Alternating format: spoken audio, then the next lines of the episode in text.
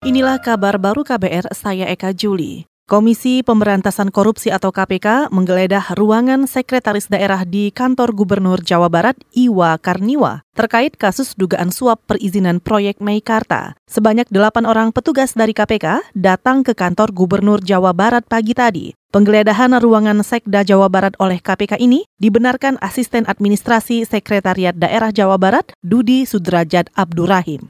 Ada apa-apa. Iya, kan ada surat tugasnya. Ada surat tugasnya kan? Ada berapa ruangan di sini? Semua ruangan sana, semua ruangan Cek. Satu dari itu siapa ya? Nah. Dari staff sekretari sampai profes saja. Ada berapa orang Pak ya? Berapa petugas Pak? Delapan gitu Pak. Delapan orang. Tadi yang Bapak ketahui jam berapa ya Pak ya datangnya Pak? Ya, tadi saya ada acara dulu, baru sana masuk.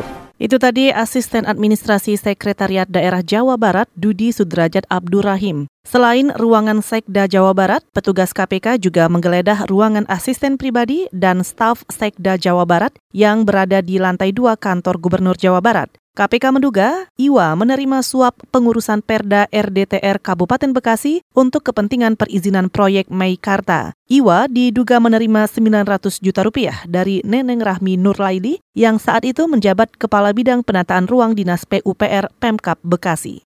Masih soal korupsi, Komisi Pemberantasan Korupsi KPK akan memeriksa Ketua DPRD Kabupaten Tulung Agung, Jawa Timur terkait dugaan perkara suap pembahasan, pengesahan, dan pelaksanaan APBD dan APBD Perubahan Tulung Agung tahun ajaran 2015-2016.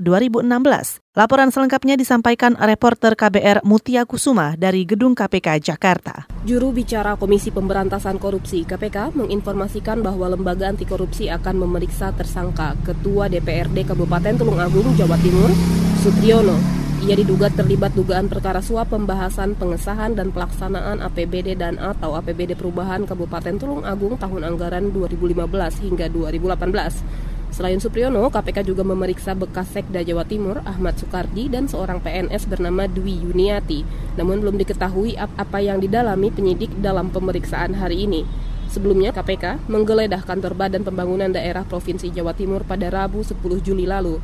Pada penggeledahan tersebut, KPK menyita sejumlah dokumen anggaran. Selain kantor Badan Pembangunan Daerah Jatim, KPK juga menggeledah empat rumah pribadi sejumlah pejabat yang masih aktif ataupun telah pensiun di Badan Pembangunan Daerah Jatim. Supriyono diduga menerima uang sebesar 4,8 miliar rupiah periode 2015 hingga 2018 dari Bupati Tulung Agung saat itu, Syahri Mulyo. Dari Gedung Merah Putih KPK Mutiaku Semawardani untuk KBR.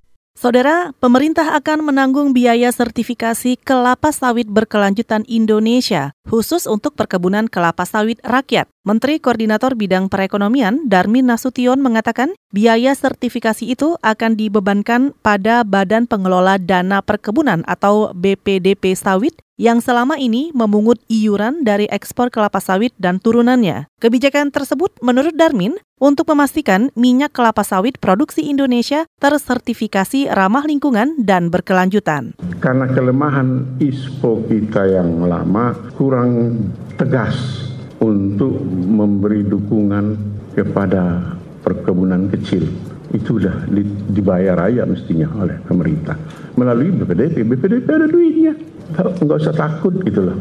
Nah dulu itu nggak terbayangkan waktu ISPO dilahirkan. Nah sekarang kita sedang menyiapkan. Menko Perekonomian Darmin Nasution juga menambahkan, pemerintah juga akan merevisi peraturan presiden tentang sistem pembangunan kelapa sawit berkelanjutan sebagai payung hukum sertifikasi lahan untuk perkebunan kelapa sawit rakyat tahun ini. Meski belum memperkirakan anggarannya, Darmin menyebut bantuan sertifikasi ISPO atau sertifikasi kelapa sawit berkelanjutan Indonesia akan diberikan kepada sekitar 5 juta hektar perkebunan sawit rakyat.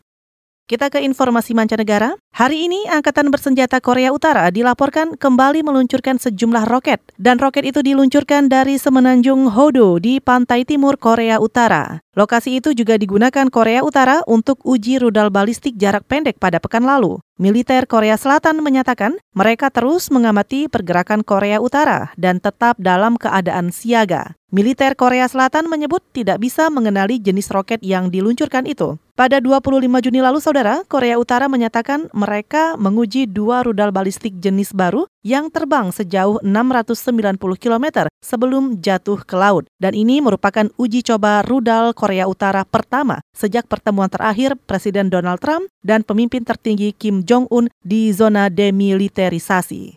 Demikian kabar baru, saya Eka Juli.